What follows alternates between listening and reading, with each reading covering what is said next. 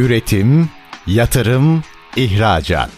Üreten Türkiye'nin radyosu Endüstri Radyo sizin bulunduğunuz her yerde. Endüstri Radyo'yu arabada, bilgisayarda ve cep telefonunuzdan her yerde dinleyebilirsiniz. Endüstri Radyo.com Salih Keskin ve Meral Dal Keskin'in hazırlayıp sunduğu Ya Olsaydı programı başlıyor. Düşünülmeyeni düşünmek, fark edilmeyeni fark etmek, birlikte zihinsel egzersizler yapmak amacıyla oluşturduğumuz Ya Olsaydı programına hoş geldiniz. Hoş geldiniz. Ben Meral Dal Keskin. Ben Salih Keskin. Programı birlikte oluşturuyoruz. Ya Olsaydı programındayız. Evet, Ya Olsaydı programı nasıl bir program? Çok kısa bahsedelim. Ortaya bir konu atıyoruz. Diyoruz ki ya olsaydı acaba neler değişirdi, nerede? Konusuna göre ülkemizde, konusuna göre iş yerinde, belki günlük rutinimizde, hayatımızda. Programı Salih Keskin'le birlikte hazırlayıp sunuyoruz. Geçen e, haftanın konusu yine farklı bir başlıktı. Üç kutuyu yatırdık ortaya ve biraz onunla oynadık. Üç kutulu yaklaşımla da nasıl daha farklı bakabiliriz bunu değerlendirdik. Ve en nihayetinde de bugünü unut, geçmişten ders al ve geleceği deneyimle şeklinde bir yaklaşım içerisine girdik değil mi? Dikkat çekici bir program oldu çünkü bugünü unut demek kırıcı bir yaklaşım haliyle. Ne demek yani bugünü unut? E, programı tabii merak edenler e, podcast'ini dinleyebilirler. Bu burada daha fazla o anlamda bilgi vermeyelim ama başlıklar dikkat çekiciydi. Evet. Sizlerden de çeşitli sorular geliyor bol miktarda. Gerek sosyal medya üzerinden gerek maillerimize. Onların içinden e, seçim yapmak durumunda kaldık. Süremiz yettiğince bunu değerlendireceğiz. O yüzden iki tane soru seçtik. O soruyu cevaplandırmaya çalışacağız. İlk önce istersen sana ben sorayım. Ne diyorsun? Çünkü Tabii olur. E, hani herkese de hitap edebilecek bir soru seçtim ben bu soruların arasından. Orada da şöyle diyor. Bir tekstil firmasıyım e, ve orta ölçekli bir firmayım. Kar marjları gittikçe düşüyor e, ve ben e, zorlanıyorum. Burada bana ne çözüm önerirsiniz diyor. Bunu sana sormak diye istiyorum. sormuşlar.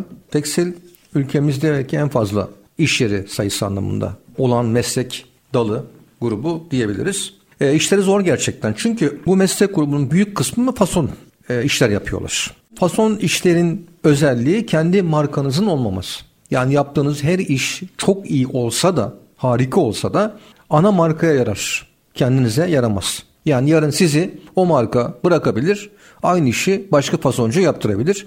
Dolayısıyla siz aslında yıllarca birikiminizi o anlamda etkisiz hale getirmiş olursunuz. Neden olabilir? Öncelikle hep konuştuğumuz bir şey. Kendinize ait bir yani markanızın olması lazım. Öyle veya böyle. İkincisi online dünyaya ait olmak lazım biraz. Yani online dünyada da satış yapmaya, kendi markanıza odaklanmanız gerekiyor. Hmm. Çünkü üretici olduğunuz için zaten iyi yapıyorsunuz. Zaten e, müşteri sizin ürünü başka marka yaptığınız için beğeniyor. Dolayısıyla kaliteli bir seviyeniz var. İşçiliğiniz iyi. O anlamda altyapınız iyi ama kendi markanıza çıkmamışsınız. Online dünyaya girmeniz gerekiyor. Orada bence yani müşterinin satın alma eşiğine uygun bir fiyat yapısı geliştirmekte fayda var. Bir filozof der ki dünyanın en kaliteli ürün veya hizmetini en uygun, ucuzu değil bu arada onu söyleyelim. Hı hı. En uygun fiyata satmıyorsanız çöküşünüzü bekleyin. Hı. Şimdi bu ne demek? Bunu konuştuk aslında program içerisinde. Bazı küçük başlıklarda. Mesela Türkiye'de çok güçlü diskantlar var. İndirim marketleri. Evet evet. Yani 10 bin ama küçük çaplı bunlar. Büyük e, metrekareli değil. Biliyorsunuz 3 harfli diyoruz ya bunları biz. Dolayısıyla bunlar e, aslında Alman Aldi modelidir. Hı. Yıllar önce Almanya'da Aldi mağazaları zaten aynı konsept uyguluyordu. Bunu Türkiye'de uyguladılar vesaire. Şimdi orada fiyatlar ucuz diyebilir miyiz? Yani piyasaya göre bazıları çok ucuz gibi görünüyor. Hayır kalite seviyesine bakarak ucuz diyebilir misiniz? Uygun diyebiliriz. Evet. Neye göre uygun? Örnek vereyim bir yoğurt alıyorsunuz. Değil tamam. mi? Piyasada marka olan yoğurt var. O mağazada o mağazaya ait marka olan yoğurt var. Doğru. Şimdi dolayısıyla o yoğurtla dışarıdaki yoğurt arasında kilogramda belki 3 lira oynuyor. Peki. 3-4 lira oynuyor. 1,5 kilogramda diyelim ki. Şimdi 4 lira aslında önemli bir paradır. Ama eğer ürün kalitesi sizin damak tadınıza uygun değilse yani o kaliteli markadan aldığınız lezzeti onun almıyorsanız bir de alır mısınız? Almayız. Almazsınız. Yani 3 lira değil 13 lira ucuz da olsa almazsınız zaten. Almayız. Şimdi dolayısıyla orada aynı kalite seviyesinde ve fiyat performansı olarak da %15-20'ye yakın bir ucuzluk söz konusu. Buna biz uygun diyoruz. Çünkü kalite düşük değil. Tamam. Velhasıl e, demek istediğim şey şu. Yani tekstil firmasına geliyorum. Fiyatlarınızı uygun hale getireceksiniz. Yani ben çok kaliteli yapıyorum. Benim e, ürünüm müthiş şöyle müthiş böyle doğru ama kimsenin haberi yok bu müthişlikten. Doğru. Dolayısıyla şu denklemi de hiç unutmamak lazım. Dünyanın en büyük markaları en kaliteli markalar değil. Bakın bunu bir yerlere kesinlikle yazmak lazım. Bence billboardlara yazmak lazım. Bu ne anlama gelir biliyor musun? Bu şu demektir. Yani kalite denilen şey aslında soyut bir şeydir. Yani sizin kafanızdaki oluşturulan dünyayla alakalı bir şeydir. Yani diyelim ki dünyanın en sağlam arabası en pahalı araba mıdır? Tam tersi belki de. En pahalı arabası en sağlam araba kesinlikle değil bir kere. Onu biliyoruz. Evet. O zaman neye para veriyoruz? Oradaki marka değerine. Bir diğeri açıkçası hiper kişiselleştirme diye bir şey var. Belki uzatıyorum ama madem soru sorulmuş önemli. Hiper kişiselleştirme dünyada artık kişiye tam o kişiye dönük bir ürün yapmak. Hani demiştik ya ben bir firmaya danışmanlık yapıyordum. İşte şampuan yapıyor, bitkisel ürünler yapıyorlar. Dedim ki 18 yaş şampuanı yapın. 18 yaş. Niye 18 yaş? Çünkü e, markete girdiğinizde eğer 18 yaş şampuanı diye bir şey görürseniz kimin dikkatini çeker? 18 yaş grubundaki insanların tabii ki dikkatini çeker. Amaç tabii içeriğini o yaşa uygun hale getirmek şartıyla. İçindeki aktif maddeleri siz 18 yaşa uygun hale getireceksiniz vesaire. Ee, diğeri deneyim. Hı hı. Müşteriye mutlaka deneyim yaşatacaksınız. Ee, ve tabii ki müşteriyi bütün süreçlere dahil edeceksiniz. Firmanın gelişimine, yarınki bütün hayallerine müşteriyi dahil etmeniz gerekiyor. Şimdilik bu kadar söylemiş olayım. Ben e, senden şunu anlıyorum. Sadece işimiz üretim olmayacak. Eğer fark yaratmak istiyorsak yeni yeni şeyler de öğrenmek durumundayız. Gelişimi, e, öğrenmeyi, farklılaşmayı o zaman gündemimize de dahil edeceğiz. Öyle değil mi? Mesela bugün dünyada 360 derece inovasyon diye bir şey var. Yani firmalar müşterilerini davet ediyorlar. Hı hı. Tedarikçilerini dahil ediyorlar, davet ediyorlar ve tabii üniversitelerden ilgili grupları davet ediyorlar hı hı. ve birlikte geleceği oluşturuyorlar. Bu bu. Kendisi bunun bir sonraki adım var 360. Yani Japonya'da rakipler de bir araya geliyor. Yani düşünün rakiplerle kendi rakiplerinizle bir arada o sektörün geleceğine e, dönük olarak yenilik üretiyorsunuz, farkındalık üretiyorsunuz. Ya Türkiye'nin kültürüne şu an çok uygun değil ama müşteri davet edebilirsiniz, tedarikçiyi davet edebilirsiniz ve üniversitelerden ilgili startup gruplarını oraya dahil edebilirsiniz. Evet, çok güzel. Bir başka soru var. O da biraz yöneticilikle alakalı bana göre bir soru diye düşünüyorum. O sana, soru sanaydı galiba. Evet e, yeni yönetici oldum diyor ve yeni nesille çok zorlanıyorum. Patronum da çok kuralcı, çalışanlarımsa çok rahat. Aradaki dengeyi bir yönetici olarak nasıl kuracağım şeklinde bir soru evet, var. Soru sana olduğuna göre soru bana oldu. Ne dersin? Hani kolay da değil cevabı ama bugün e, çalıştığımız tüm yöneticiler benzer şekilde sorun yaşıyorlar. Nesil farklılıkları yine devam ediyor, yine devam ediyor. Neticede Z nesli de e, yönetici olduğunda Z nesli yüzde hani 70 60 kurumlarda olduğu zaman da bir sonraki gelen nesille ilgili aynı şeyleri devam ettirecekler gibi görünüyor. Ben her zaman yöneticilere şöyle diyorum tüm çalışmalarda. Siz aynı zamanda artık yönetici oldunuz ve ayaklı billboardsunuz. Bu ne demek? Sadece işinizi yönetmek değil, aynı zamanda bazı kavramların da hem reklamını yapmak hem de arabuluculukta yapmak. Olarak çok önemli bir misyonunuz daha var artık. Geliştirmek ve değiştirmek. Neyi?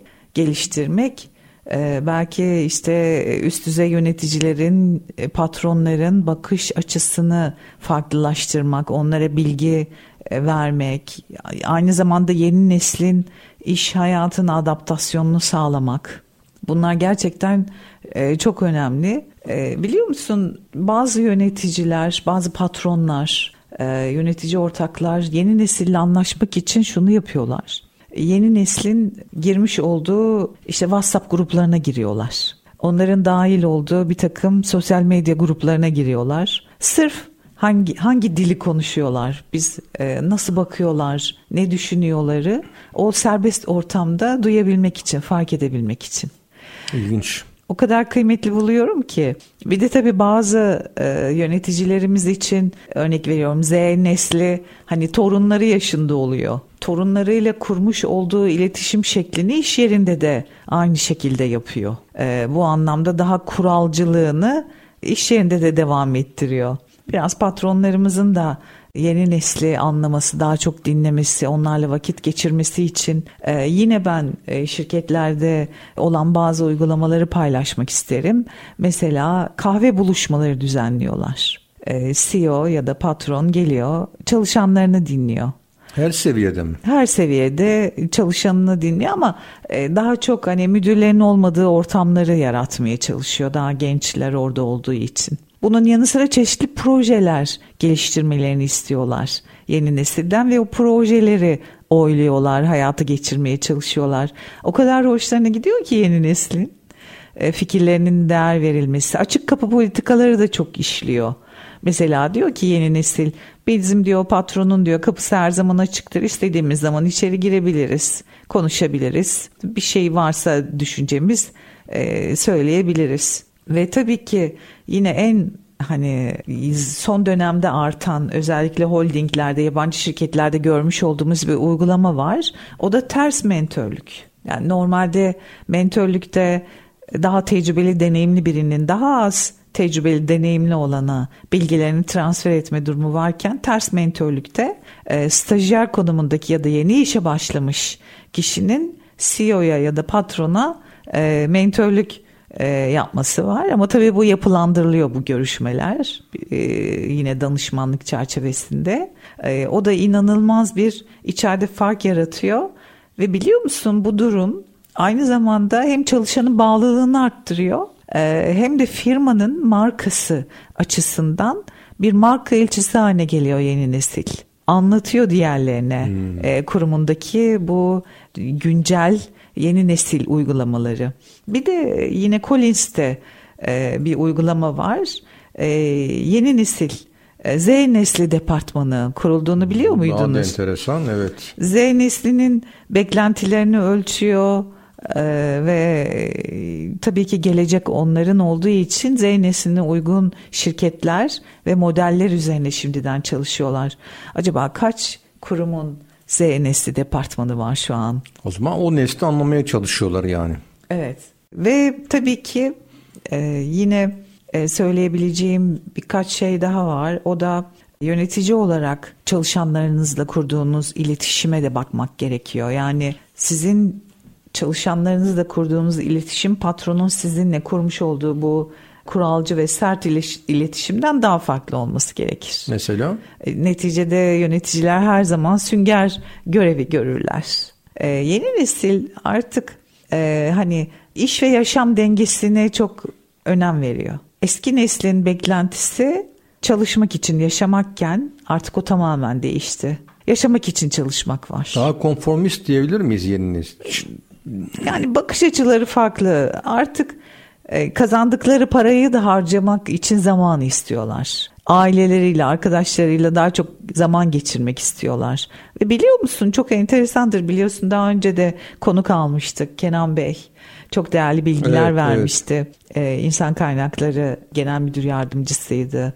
Çok değerli bir kurumda. O aynı zamanda yeni neslin duygularının da önemli olduğunu ve duygularını da e, kullanabileceği ya da fark edilebileceği hmm. şirketler olması isteğinden bahsetmişti. Özellikle yine geri bildirim kültürü, takdir kültürü bunlar çok çok değerli. Bak aslında ne kadar e, soft skill yetkinliklerden halen bahsediyoruz. Yani teşekkür etmek, doğru bir şekilde takdirde bulunabilmek, olumlu yönleriyle ve gelişim alanlarıyla ilgili geri bildirim e, duyabilmek istiyor bu arkadaşlarımız. O zaman yani iş dünyası daha insanileşiyor diyebilir miyiz yani?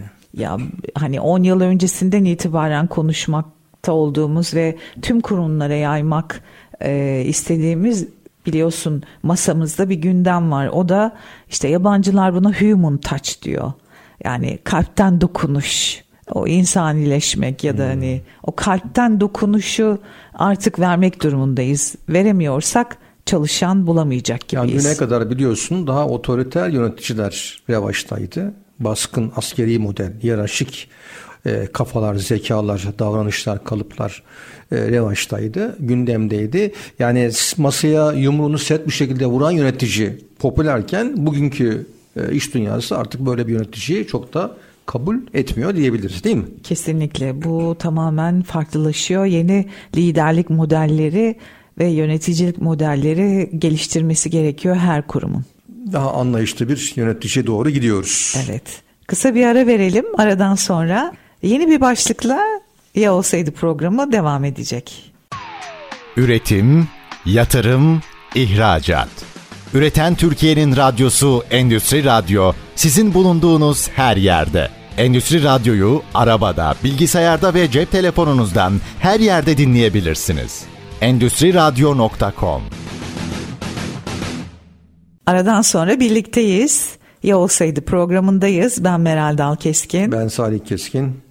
Sorularımızı cevaplandırdık ilk bölümde. Umarım faydası olmuştur. Şimdi istersen yeni başlığımıza geçelim. Bu arada tekrar sorularını sosyal medyadan veya mail olarak bizimle paylaşabilirler. Evet, Endüstri Radyo'nun sosyal medyalarından her zaman bize ulaşabilirsiniz. İnovasyon salihkeskin.gmail.com'dan da ulaşabilirsiniz. Evet, şöyle bir soru koymak istiyorum ortaya sevgili dinleyicilerimiz. Gelin hep beraber değerlendirelim. Acaba biz inovasyon liginde dünyada ilk onda olsaydık ne olurdu? Sana soruyorum şimdi. Bana tabii. soruyorsun. Ee, o zaman şöyle bir tabii cevapla karşılık vermemiz lazım. Acaba inovasyon liginde şu anda kaçtayız? Tabii. Değil mi? Yani ilk onda e, değilsek ondan Değiliz. sonrayız o belli. Ee, biz 2020 yılında 49, 2021 yılında 51. sıradayız inovasyonda. 2022 yılının ilk 6 yani 6. arasında 41'e yükseldik gibi gözüküyor ama online değerlendirmeyle yapıldı bu küresel endeks. Dolayısıyla normalde e, yani örgün yapılan bir değerlendirme değildi. Biz yani bir 50'ye yakınız diyelim. 40-50 arasındayız. Şimdi ilk onda olmanın farkı ne? Ona bakalım. Mesela Dedik ya İsviçre son aşağı yukarı 9-10 yılda hep birinci. Yani neden birinci orası tabii ayrı bir tartışma konusu. Ama ilk onda olman avantajı örnek veriyorum İsviçre'nin milli geliri yıllık 80 bin dolara yakın biliyor musun? Evet oldukça İsveç hoş. 65 bin doların üzerinde. Evet. İzlanda keza yine 60 bin doların üzerinde. Kore 45 bin doların, Güney Kore'ye 45 bin doların üzerinde. Yani inovasyonda geriye doğru gittikçe milli gelir düşüyor bir kere. Onu biliyoruz. Türkiye'nin milli geliri yani 9 bin dolar civarlarındaydı. Son işte e, bir yıl içerisindeki ekonomik çeşitli e, hareketlikten ötürü şu an 7900 dolara kadar da inmiş durumda. Velhasıl inovasyonda liginde öne çıktıkça milli geliriniz artıyor. Hmm. Şimdi milli gelirin artması yani neye yarar? Bir toplumda ne faydası olur? Bir kere e, sosyal refah, alım gücü yükseldiği için sosyal refah da artıyor. Buna bağlı olarak sosyal barış da artıyor. Çünkü geçinemeyen insanlar daha gergin insanlar olabilir. Çok daha yani yırtıcı, kırıcı insanlar olabilir. E, sosyal eşitlikte yine e, bir ilerleme görüyoruz. E, eğitim eşitliğinde yine milli gelir arttığı zaman aynı şekilde ve fakirliğin azaldığı tabii ki yani insanların çok daha rahat yaşadığı bir dünyadan bahsediyoruz. Şimdi böyle bir dünyaya çıkabilmek için inovasyon bir kere şart. Yani inovasyon nedir dedik yani. inovasyon yenilik yapmak. Yeni bir şey yaratmak, yeni bir şey ortaya koymak veya bir şeyi yeni bir şekilde yapmak. Bunu yaptığınız zaman siz öne çık öne geçiyorsunuz. Bu arada hemen tekrar sormak istiyorum sana. Belki programımızı ilk kez dinleyenler var aramızda. İnovasyon biraz yukarıda gel bir şey geliyor ya yani sanki herkes yapamazmış ya da her departman yapamazmış e, gibi geliyor. Biraz orayı çok kısa tekrar bir açar mısın? Evet. Yani inovasyon yenilik dedik ya bir şeyde yenilik yapmak. Yani size örnek veriyorum hani biz hep konuşuyoruz. Öyle ürünler var ki yani dünyada kullanmayan yok. Bunun bir tanesini biz hani üçü bir arada dedik yani. Böyle ya bildiğimiz Kahve. kahvenin, yani süt tozu, şekerin bir araya getirilmesi. Şimdi zor bir ürün mü? Hayır. Basit. Ama yapıldıktan sonra basit olarak görüyoruz. Ama yapılana kadar görmüyoruz mesela. Şimdi bunun gibi o kadar çok e, ürün yapıları vardır ki.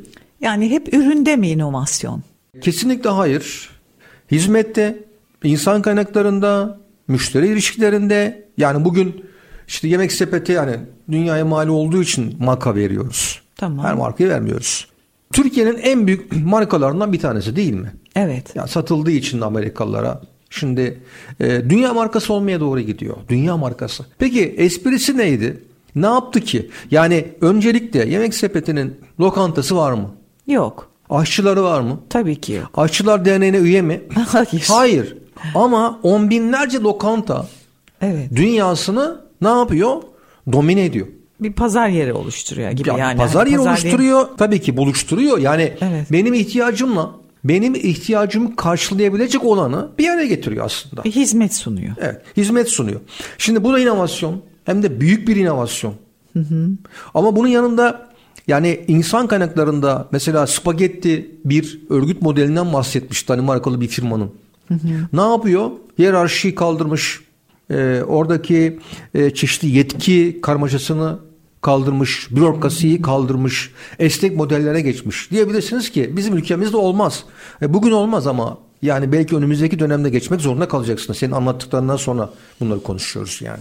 Tabii zaten hani yine inovasyonda bu tutmaz, bu yapmaz, bu işe yaramaz denilen şeylerle öne geçmiş firmalar, Evet. kurumlar değil mi? Yani şimdi siz ne iş yapıyorsanız yapın. Türkiye'nin 3 milyon yakın firması var. Yani ne iş yapıyorsanız kuaför olun isterseniz. İsterseniz kasap olun. isterseniz büyük bir holding olun. Fark etmez. Eğer yaptığınız işi bir süre sonra yine hep aynı şekilde yapıyorsanız sıkıntı başlıyor. Ki e, yani biz ülkemizde de yaptığımız işi aynı şekilde yapıyoruz. Ee, dünya böyle. Farklı yapan öne geçiyor. Şimdi dolayısıyla bir örnek verelim. Yani marketlerin düne kadar servisleri yoktu değil mi mesela? Yoktu. Yoktu. Oraya bir hizmet ilave etti. Çok inovasyon değil aslında ama bir farkındalık. Yani ama müşteri Tabii. açısından Evet. hoşumuza giden bir durum. Tabii. Müşteri ne yaptı? Yani bu hizmeti veren markete gitti. Keza eskiden yine bizim evlerimize damacana su gelmiyordu. Evet. Yani biz biliyorsun gidiyorduk ilk önce suları dolduruyorduk kendimiz taşıyorduk. Önce musluktan e, akanı içiyorduk vesaire. Ne oldu? Damacana mantığı geldi. Sonra damacana üzerinde basma tulumbaları geldi.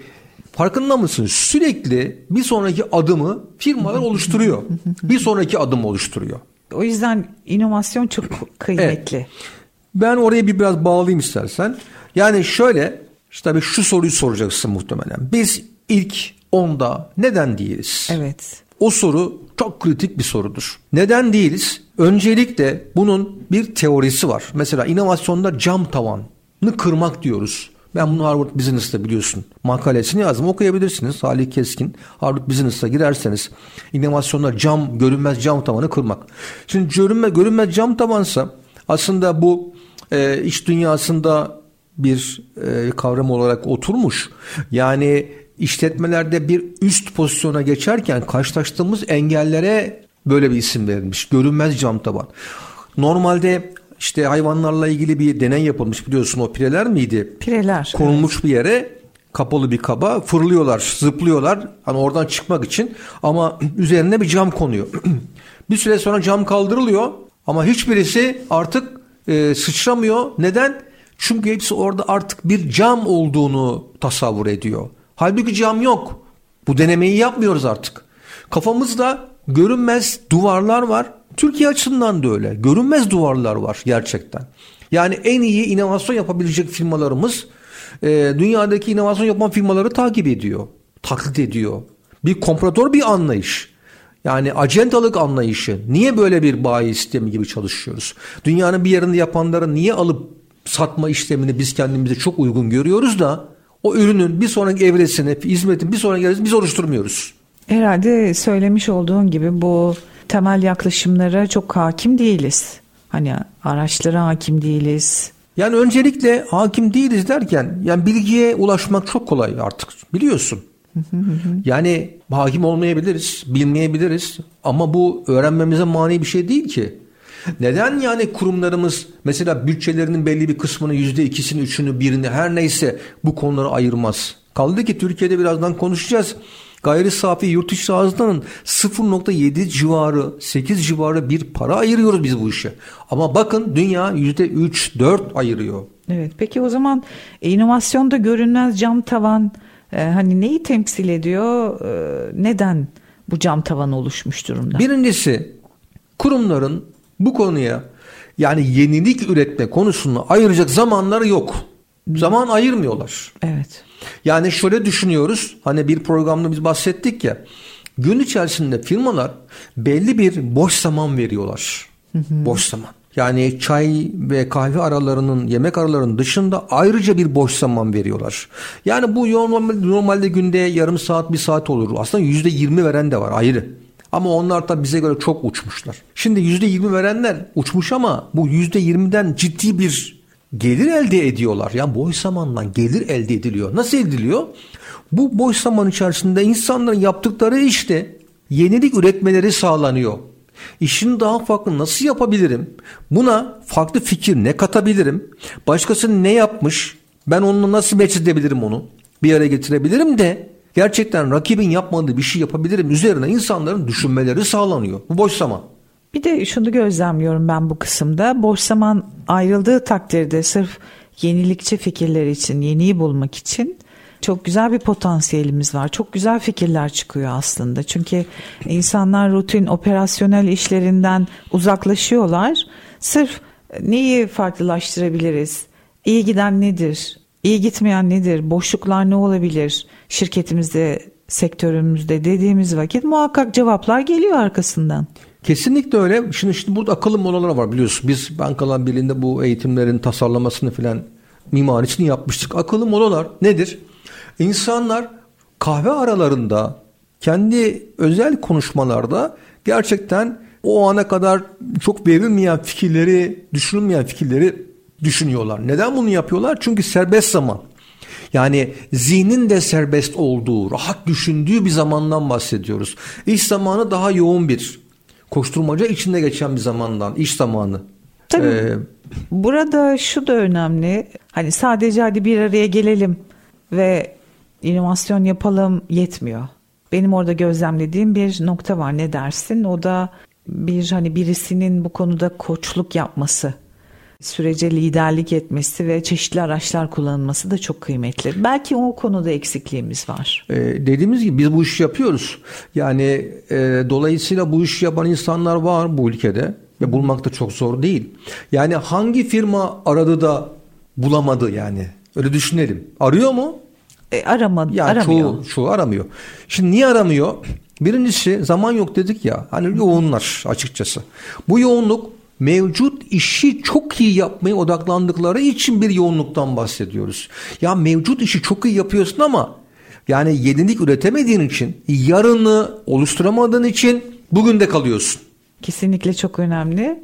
İnovasyon için yeterli zaman yok dedik. Peki ne yapabilir firmalar? Evet, e, bence bir kuluçka zamanı oluşturulmalı. Kuluçka zamanı ısıtılan bir zaman biliyorsun. Fikirde ısıtıldığı bir zamandır.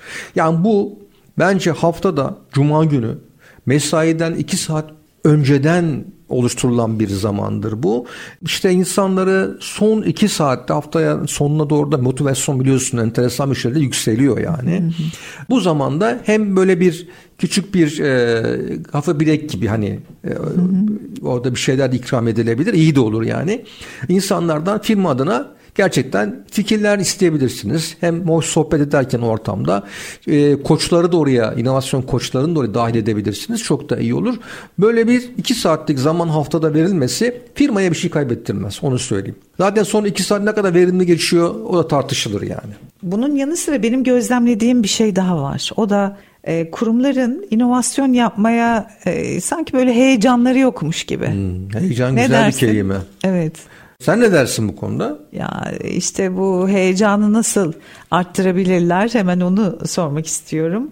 Peki bu heyecan e, neden yok? e, senin de az önce söylediğin gibi firmalar tabii çok hani zorluklar içerisindeler. Kolay da değil. Ayakta kalmak, rekabet edebilmek, maliyetler hesaplamak. Sürekli bir de dünya değişiyor, koşullar değişiyor, konjüktür değişiyor. Her şey değişirken en iyi yapma çabası içerisinde e, ilerliyorlar. Ama hep böyle olmuş ve böyle olacak. Bu işin artık normal hali. Belki biz onu kabullenmiyoruz. Bu telaşın içerisinde yoğrulmak, onunla birlikte sürüklenmek çok hoşumuza gidiyor olabilir. Bunu değiştirmemiz gerekiyor bence. Nasıl değiştireceğiz? İşte bunu nasıl değiştireceğiz? Bunun için de departmanların bir araya gelip işbirliği içerisinde bu heyecanı nasıl yaratacaklarını oluşturmaları lazım. Yoksa yöneticilerimiz çok iyi biliyor içeride nasıl heyecan yapabiliriz. Tabii ki artık yeni bir dönem var. O da oyunlaştırma. Burada bir çözüm bulabilirler.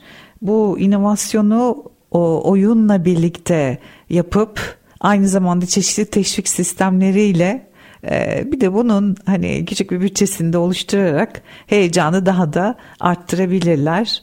Ee, yine halen eski modelleri işe yarıyor. Yani küçük rakamlarda bir şeyler verebilmek, küçük plaketler oluşturabilmek bu anlamda yine çalışanlarımızı çok mutlu eden noktalar.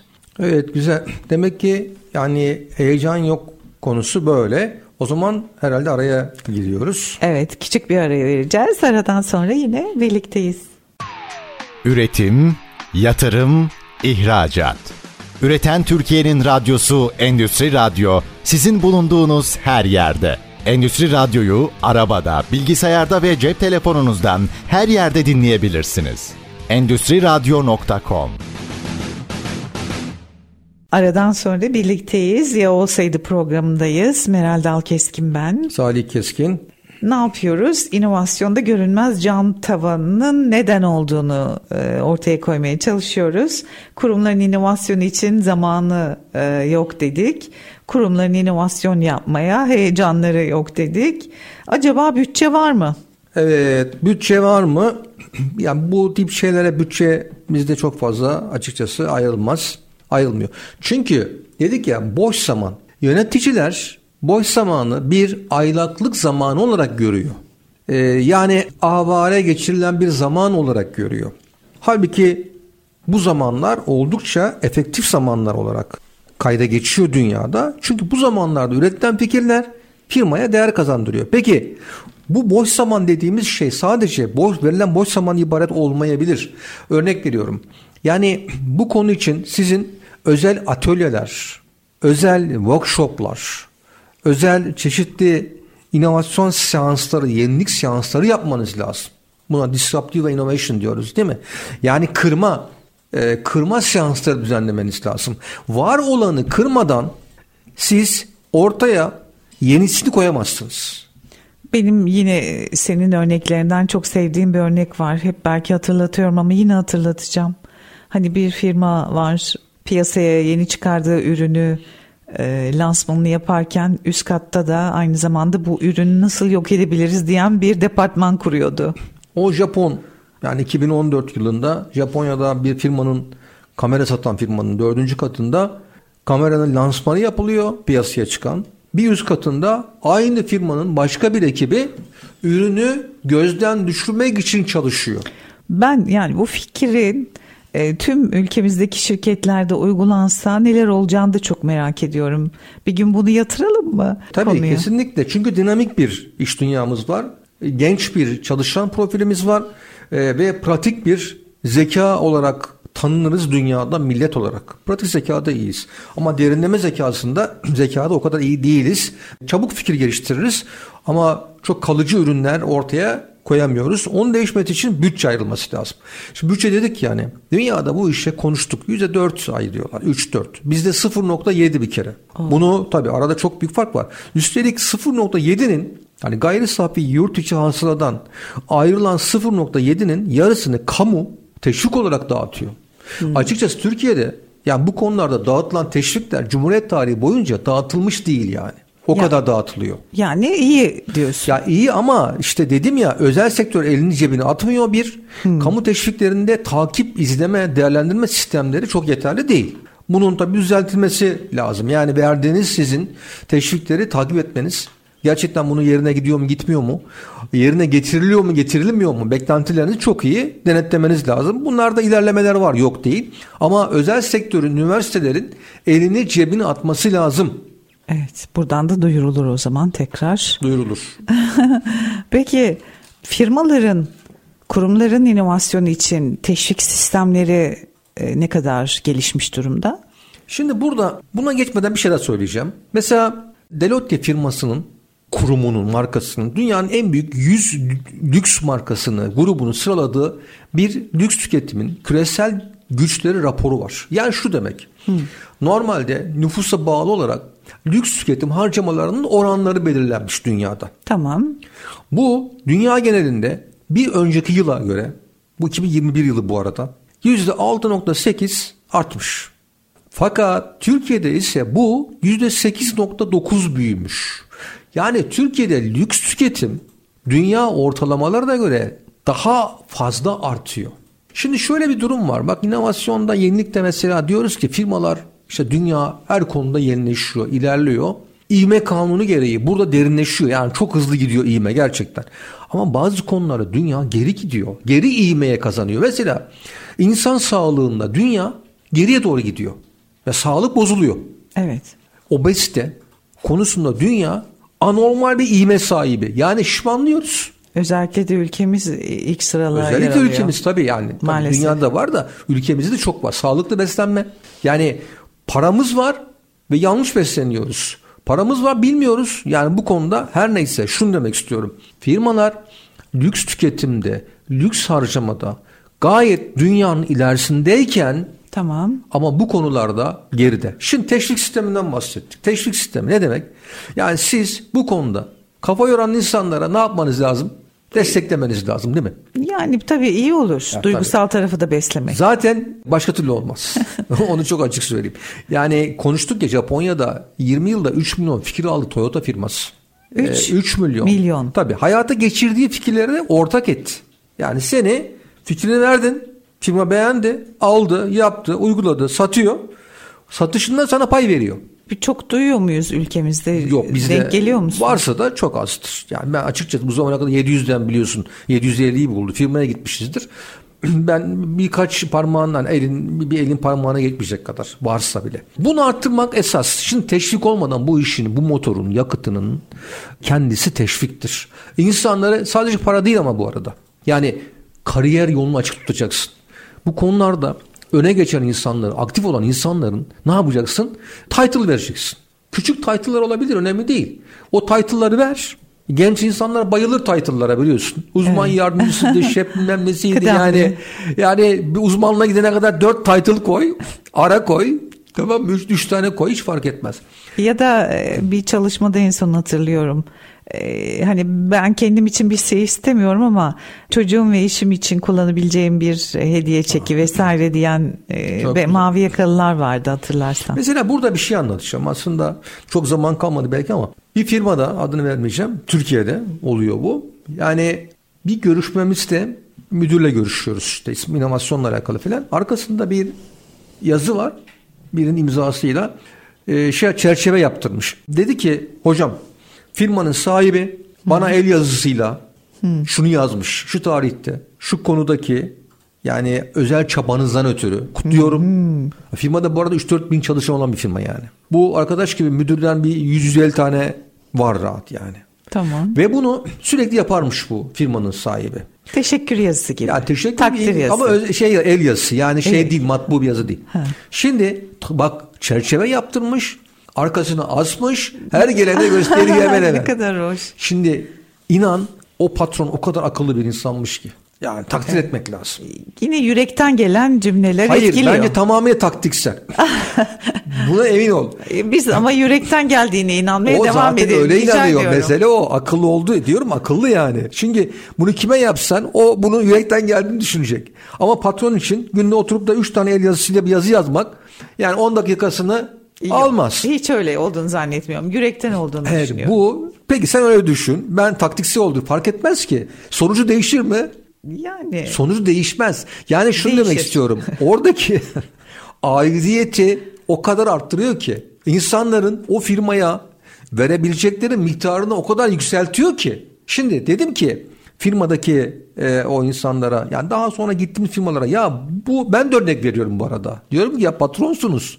CEO'lara biliyorsun çalışmalar yapıyoruz özel. Evet. Diyoruz ki ya patronsunuz. Yani bir imza özel bir kendi el yazınıza imza atıp yazı göndermek bu kadar mı zordur yani? Bu kadar mı zordur? Niye yapmıyorlar sence? Herhalde yani her zaman söylüyoruz ama e, onun o hani e, kalpten olan yaklaşımını göstermek istemiyorlardır. Ego demeyeceğim. Çünkü patronlarımız da artık farklılaşıyor. Belki bunun nasıl bir etki yaratacağını bilmediği için çok cesaretli davranamıyordur. Evet ben de buradan söylüyorum işte. Diyorum ki böyle bir şey yapın. İnsanlardaki etkisini lütfen ölçün. Yani şimdi teşvik sistemi olmadan bu iş olmuyor dedik. Sonra kurumlarımızın, firmalarımızın bu konuda vizyonları yok. Hmm. Hani hep yoktan gidiyoruz ya. Evet. Onun sebebi şuydu. İlk başa dönelim. Ya inovasyonda ilk ona girsek ya olsaydı diyoruz ya. İlk ona girseydik ne olurdu? Ben diyorum ki şunlar şunu olur dedik zaten.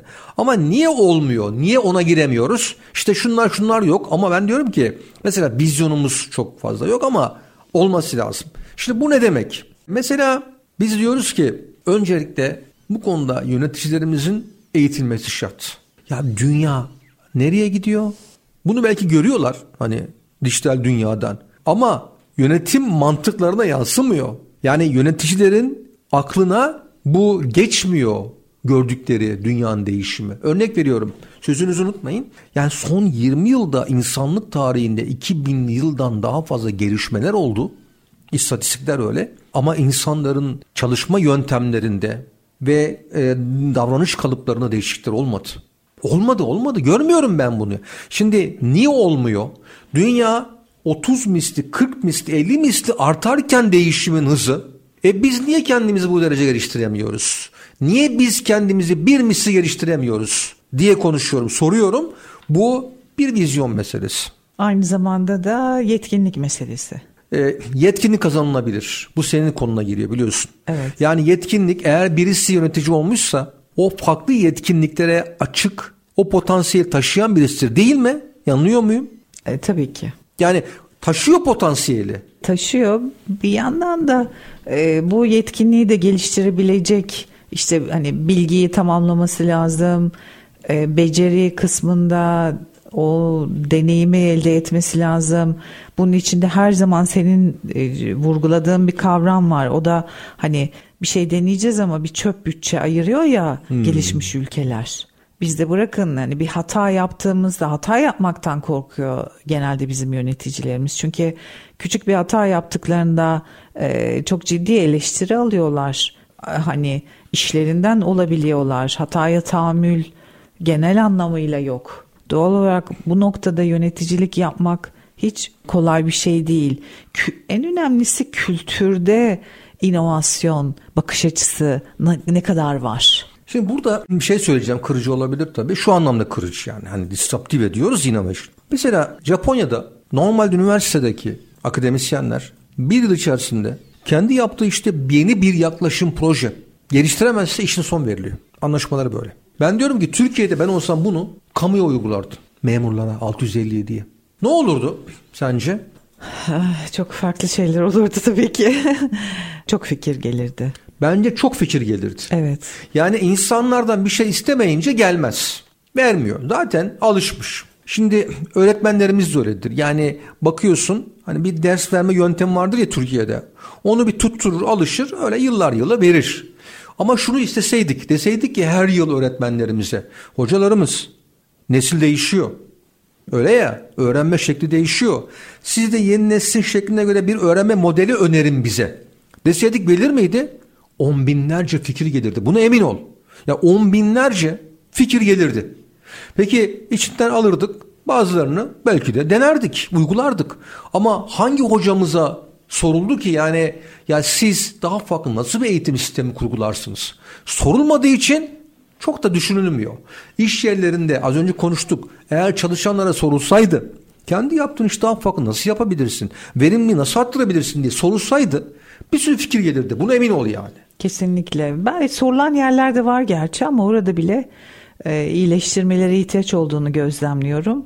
Çünkü nasıl olsa bir sistemimiz var. Öneriler buraya geliyor. Bayağı da öneri geliyor e, deniyor ama o önerilerin içeriğine girdiğin zaman ne kadar inovatif, ne kadar yüksek katma değer yaratıyor onu göremeyince kimse sistemi tekrar sorgulamıyor. Ama burada çok kritik bir şey var. O da bir şeydir. 100 fikirden bir tanesi hayata geçer. Biliyorsun. Yani 99 tanesi aslında biz orada bunu atıyoruz. Evet, e, bu konu birkaç program biraz gideceğiz gibi görünüyor.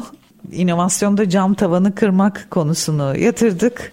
Buraya kadar geldik. En son dedik ki firma ve kurumların inovasyon nasıl yapılacağına dair bilgisi ve yetkinliği geliştirmesi gerekir. Ee, yine haftaya bu konuyu devam ederiz ve çok orijinal bir başlıkla ilerleyeceğiz. Görüşünceye kadar kendinize çok iyi bakın. Güzel bir cuma günü ve hafta sonu geçirmeniz dileğiyle. İyi günler diliyoruz. Görüşmek üzere.